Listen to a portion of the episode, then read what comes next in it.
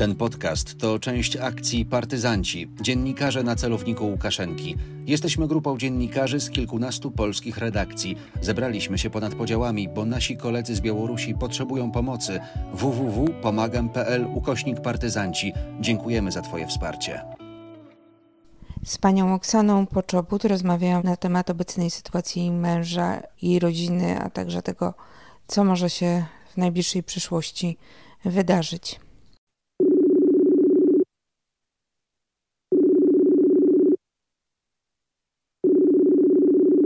Halo.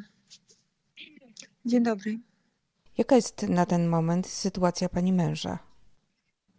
E, na razie w prawie nic nie wiadomo, bo znajduje się na karantynie, zachorował na koronawirus i żadnej informacji nie mogę otrzymać. Jeździła do lekarza więźnionego i tam rozmawiała z nim po wewnętrznemu tak, telefonu w więzieniu.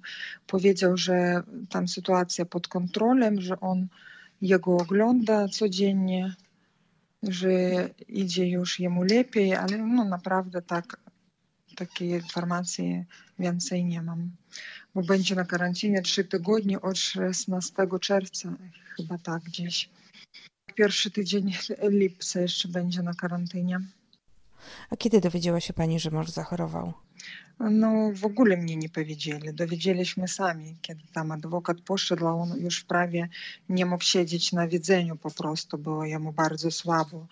I list do mnie przyszedł, gdzie on pisał, że robi się jemu gorzej, że serce mu zrywa się, bo ma taki diagnoz, nie wiem jak to po polsku, fibrylacja przedsierdzi, paroksygmalna fibrylacja, mhm. migotanie, tak, dokładnie. I kiedy w ogóle tam na jakiś stres, na jakieś tam nerwowe sytuacje, a jeżeli tak upał taki na ulicy i gorąco, to zawsze, każde lato on nawet w domu się bardzo źle czuje, ale w domu my możemy to kontrolować, bo jest odpowiednie leki, jest lekarze, można ambulatorię wyzwać do domu. Tam, że takich warunków nie ma, może po prostu przyjmować pigułki, które my jemu przekazali. Czy wie pani, w jakich warunkach mąż jest przetrzymywany? Nie, nie wiadomo, nic w ogóle o tym nie mówią. Wiem, że w zwykłej celi on siedzi tam, gdzie 13 osób i tam wszystkie osoby kryminalne, nie ma więcej politycznych oprócz niego. Teraz w jakiej infekcyjnej celi siedzi, w jakiejś i przez, przez tydzień będzie u niego powtórny test i jeżeli będzie odmówny, to jego po prostu przerzucę znów do zwykłej celi, gdzie jest bardzo gorąco i będzie siedział tam jeszcze na karantynie, to będzie tak wyglądać, że po prostu nie będę do niego adwokata wpuszczać. Jeśli dobrze rozumiem, to mąż wróci z tej celi dla chorych na COVID z powrotem do celi kryminalnej. Tak, zwrócone tak w kryminalnej celi, to po prostu ona tam chory leży, takie jak on teraz. A jaka jest sytuacja pani rodziny i pani osobiście?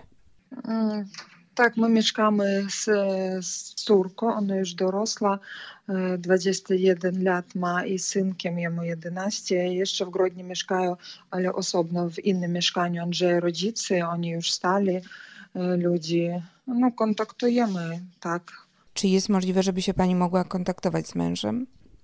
Ja nie, nie kontaktuję z nim, tylko mogę coś, jeżeli mnie adwokat, tylko adwokat może jego odwiedzać. I adwokat w prawie nic nie może powiedzieć. Zazwyczaj by u nich podpisana taka umowa nieogłoszanie, że oni w ogóle tam nie mogą nic mówić, jakie idzie śledztwo, co tam robi się, jakie tam działania śledcze idą. Rozumiem, że y, adwokaci są pod ogromną presją y, i naciskami w tej chwili na Białorusi. Tak, na Białorusi po prostu za jakąś informację od razu mogą stracić licencję, a co śledztwo potraktuje jak informację, to nawet jeżeli oni mogą powiedzieć tam, że ile osób w celi, no to po prostu wszystko tam o umowach utrzymania, to oni bardzo przestrzegają, no to predostrzegają się. Czy pani mąż jako osoba chora ma dostęp do specjalnego jedzenia, czy ktoś y, się w ogóle tym przejmuje? Tak, u niego w ogóle byli problemy z żołądkiem tam i ze strawnikiem i on w ogóle nawet w domu tak jadł, on specyficznie. Mówię, on taki w ogóle непривередливый. Он дуже czego nie prosi, w ogóle tam martwi się, żeby często nie jeździli coś jemu przekazywać, bo droga jest długa, ale tam mówi, że jemu tam wystarczy tego, co, to tam, co tam daje. Tam jakaś kasza, jakaś pochlebka, kapusta, no zazwyczaj takie bardzo, bardzo, bardzo proste jedzenie. A jak daleko jest to więzienie, w którym pani mąż teraz przebywa od państwa domu? 250 chyba tak gdzieś przykładnie. Czy tam są gorsze warunki niż te, które były w więzieniu w Mińsku? No naprawdę tak mówiąc tak, tam takie paskudne więzienie, one gorzej niż na Wolodarskiego w Mińsku, gdzie on siedział wcześniej. Myślę, że jego przerzucili w te więzienie to po prostu, żeby pogorszyć jego warunki. Żeby go skłonić do zeznań, jakichś decyzji? No na pewno tak, tak. Może do rozmowy ze śledztwem. A czy wie pani cokolwiek o tym, czy i jak był przesłuchiwany? Czy coś pisał na ten temat? No, ja tak, ja nie wiem, jak to była taka propozycja, bo jak taki zmontowano filmik na BT, na białoruskim telewideniu u nas, jak proponowali paniom i myślę, że tam dokładnie wszystko też było nie tak, jak nam pokazywali po telewizji, ale no, ja nie wiem, jak naprawdę brzmiały te umowy. To trzeba pytać u tych ludzi, kto tam domawiał się o nich. Z listów mogę wiedzieć, że na umowy on nie zgodził się, ale co jemu tam proponowali, to naprawdę nie wiem. No, myślę, że proponowali zjechać w jeden bok z podpiską o tym, no, naru naruszyć sprawy karne i mieć jeszcze jedną sprawę po prostu, żeby on nie mógł wrócić na Białoruś, bo opuścił Białoruś, a podpisałby, że nie wolno jemu opuszczać. Jakoś tak to wyglądałoby na pewno. Czy wie pani cokolwiek o tym, czy i w jaki sposób był przesłuchiwany? Czy pisał coś o tym? No ja nie wiem, naprawdę on o tym nic nie pisał. Jedynie co on w liście napisał, że on, kiedy był przerzucony do Żodzina, do tego innego więzienia, gdzie on teraz, to opisał umowy utrzymania jego w Mińsku w więzieniu na Wolodarskiego. Myślał, że to już list przepuszcza, bo on już nie w tym więzieniu. Ale on nie wyszedł. Pisze, że ja tam pisał o umowach, mnie trzymali w takim specjalnym korytarzu. Nie wiem, co to takie, i opisywać jemu to nie dozwolono, bo cenzura jemu zwraca jego listy wtedy. Ale poczytała tak o tym, że to takie, kiedy tam taki całkiem informacyjny wakuum jest i takie cele specjalne, które znajdują się bardzo daleko od wszystkich, one zwykle bardzo zimne takie lub jeżeli upał latem, to bardzo gorące, wilgotne bardzo. No i tak i czytam, że inne polityczne więźnie, tam studenci, dziewczęta piszą, że tam taka wilgoć, że nawet pisać nie wolno, bo listy po prostu mokre stają się. Oczywiście dlaczego zmuszają, do czego tam jego zmuszają, do może jakiegoś tam proszenia pisać, no, no naprawdę nie wiem, bo on nie może w listach w ogóle prawie nic pisać, tylko tam pisywać swój dzień. Teraz nikt nie robi żadnych prognozów i ja też nie mogę tego zrobić. Widzę tylko, że jemu gorzej i gorzej w więzieniu po prostu pisze, że czeka na sąd, rychtuje się do sądu, ale widzimy, że na Białorusi sądy robi się po prostu zamknięte. Po prostu tam, jako, nie wiadomo jak oni trwają, tam po prostu ogłaszają się wyrok i tyle. I kiedy to będzie do półtora roku, myślę tak na Białorusi może trwać ta sprawa karna, to mogą ciągnąć jeszcze bardzo długo. A czy prosiła Pani kogoś z zewnątrz o pomoc w sprawie męża jakiejś organizacji, instytucji?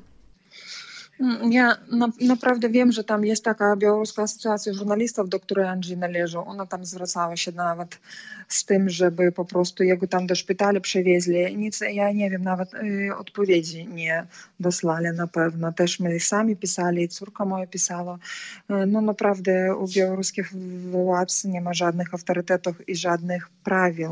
A wracając y, do marca, kiedy zatrzymywano pani męża, była rewizja i co zabrano wtedy z domu? Были у нас jakieś tam сбережения liczne, tak, pomagają rodzice nam, my im po prostu, bo po prostu nawet spróbuję rozwiązać problem z Andrzeja kartą bo ona była po prostu też odebrana przy przeszukiwaniu i śledczy mnie powiedział, że on mnie jej nie zwróci, że ona będzie jak ulika w sprawie karnej, no tam bred po prostu. Dowód, jaki dowód tam, no on w ogóle takie rzeczy nie zwraca, że po prostu śmiesznie w ogóle. A nie wiadomo, co oni szukali, oni prosto tam trzy godziny u nas spędzili, coś brali, w ogóle potem w ostatnich pokojach już oni po prostu to szybko było bardzo zrobione. Na początku tam oni ciągnęli czas, polskie książki to byli o żołnierzach polskich, coś jeszcze tam Andrzeja, notatki z archiwów, bo on ciekawił się bardzo tym tematem po żołnierzom Armii Krajowej. I coś, wszystko ich dotyczyło, że ma język polski, jakieś dokumenty, w których oni w ogóle tam nic nie, nawet zabrane byli listy synka, gdzie on po prostu tam jakieś bajki tam pisał, no ale oni byli na polskim, potem ich zwrócili. Tam na przykład taki dokument, że córka moja, kiedy była jeszcze niepełnoletnia, ona miała kartę Polaka wtedy i już termin jej nawet skończył, a my tam nie zdążyli jego przedłużyć. To nawet ten dokument, że ona kiedyś miała kartę Polaka i te zabrali.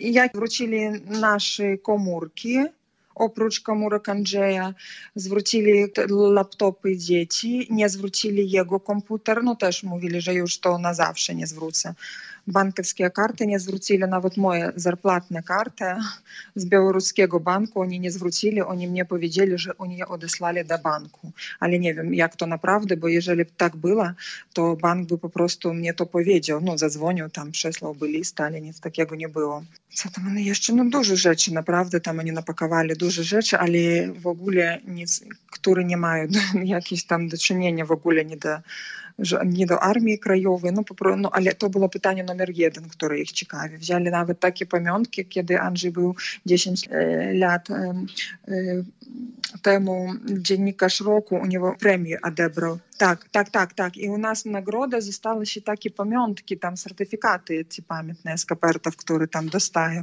To oni nawet zabrali te, no, te pamiętne nagrody. Tam po prostu było takie, no, taka fajna papiera na kartonie takim i oni te papiery też sumą ten 10 tysięcy złotych, oni po prostu tak nie zwracając uwagi, jaki tam rok ukazany, że tam 2010 rok, a powiedzieli nam, że sprawa karna tyczy się trzech lat z 18 roku. W ogóle oni dużo takich rzeczy wzięli, które w ogóle nie dotyczy. Tam był jeden taki pan, który robił wygląd, że on zna język polski. No, oczywiście ja go naprawdę nie znał, bo brał takie rzeczy, że mógłby przeczytać, co tam napisane po prostu i zostawić ich ponieśli. A ile osób było wtedy w pani mieszkaniu, które y, prowadziły rewizję i zatrzymały pani męża? Ale teraz ja już tak, może sześć osób, sześć, siedem, tak oni tak, sześć, siedem, tak oni wchodzili, wychodzili, tak. Synek już wyszedł był do szkoły, to nie został tego, a córka nawet nie puszczona była do, na, na, na zajęcie do uniwersytetu. Ona akurat wychodziła z domu. A czy potem jakieś represje dotknęły również pani dzieci? No na razie ja by tak, no takich kłopotów ja by no, nie powiedziała, że on nie jest. To jest ja, jeżeli coś będzie, ja zawsze tam no, myślę o tym i ja to nie zmogę zamilczeć po prostu, ale na razie naprawdę myślę tak, że kłopotów oni nie mają z tym. My bali się, że jego, kiedy jego zatrzymali w domu, było 25 marca, i w szkołach i uniwersytetach było rodzicielom przekazano, że wszystkie dzieci muszą iść do szkoły, tam żadne sprawki nie działo, bo wtedy bali się, że będą jakieś tam uliczne protesty, żeby nikt nie udzielniczał. I mówili nawet w uniwersytecie, że to jeżeli ktoś tam propuszcza, że nie ma tam propusku uważительnego, ale tym więcej córki no, dozwolili tam te zajęcia propuszczone odpracować po prostu potem. Czy ma Pani wrażenie, że jest obserwowana, czuje, że prowadzone są jakieś działania wobec Pani? Na razie ja staram się w ogóle nad tym nie myśleć i nie zwracać uwagi. Ja myślę, że tak naprawdę to tak jest ale jeżeli ja będę jeszcze tym zawracać głowę, to nie zmogę po prostu funkcjonować normalnie i nadawać uwagi swojemu domu i dzieciom i Andrzeja rodzicom po prostu. Wiem, no, że po prostu przysłuchiwają telefony, że tam obserwuję się jakoś, że zawsze my na kontrolu. A czy wzywano panią na stawienie się y, w jakimś miejscu, na jakieś rozmowy? Nie, nie wzywana była i to, no nie, nie to, że mnie dziwi, oni naprawdę my, myślę, że wiedzą, że ja mam takie prawo odmówić się od e, dawania pokazań przeciw męża. I na pewno wiedzą, że ja to też wiem, bo kiedy Andrzeja była sprawa karna 10 lat temu, to wzywali mnie, no musiała po prostu tam podpisać, że ja nie będę tam dawać żadnych jakichś tam, no pokazy nie będę rozmawiała, ale na razie teraz to mnie nawet nie wzywali. Proszę mi powiedzieć na sam koniec, jakim człowiekiem jest y, pani mąż? Jak się z nim y, żyje na co dzień? Tak, e, naprawdę z taką osobą jest bardzo łatwo, bo z im wszystko poniatno i po prostu no, taki człowiek na przykład on zawsze mówi, jeżeli można komuś pomóc, trzeba pomóc. Zawsze postępuje po sumieniu swojemu, ale niestety to w ogóle gra jemu na zło. Takie rzeczy, które powinny być na dobro, na nią odbije się, no, od na przykład z tego on więzienia, za prawdę, za to, że chce pomóc prawdę innym, że coś tam ogłasza, że zajmuje się jakimiś tam sprawami organizacji tam Związku Polskiego. I po prostu, no, rzeczywiście, że niepokoi mnie, że on zawsze jest w niebezpieczności. Dziękuję bardzo za rozmowę. Nawzajem, dziękuję. Rozmawiałam z panią Oksaną Poczobut, żoną pana Andrzeja Poczobuta. Ten podcast to część akcji Partyzanci, dziennikarze na celowniku Łukaszenki. Zbieramy pieniądze dla białoruskich dziennikarzy na pomoc prawną, sprzęt, bezpieczny kąt i na wydanie książki, by świat poznał tych, którzy byli i są gotowi zaryzykować wolność, własne życie, rozłąkę z najbliższymi w imię wolności słowa. Tu możesz nas wesprzeć. www.pomagam.pl ukośnik partyzanci.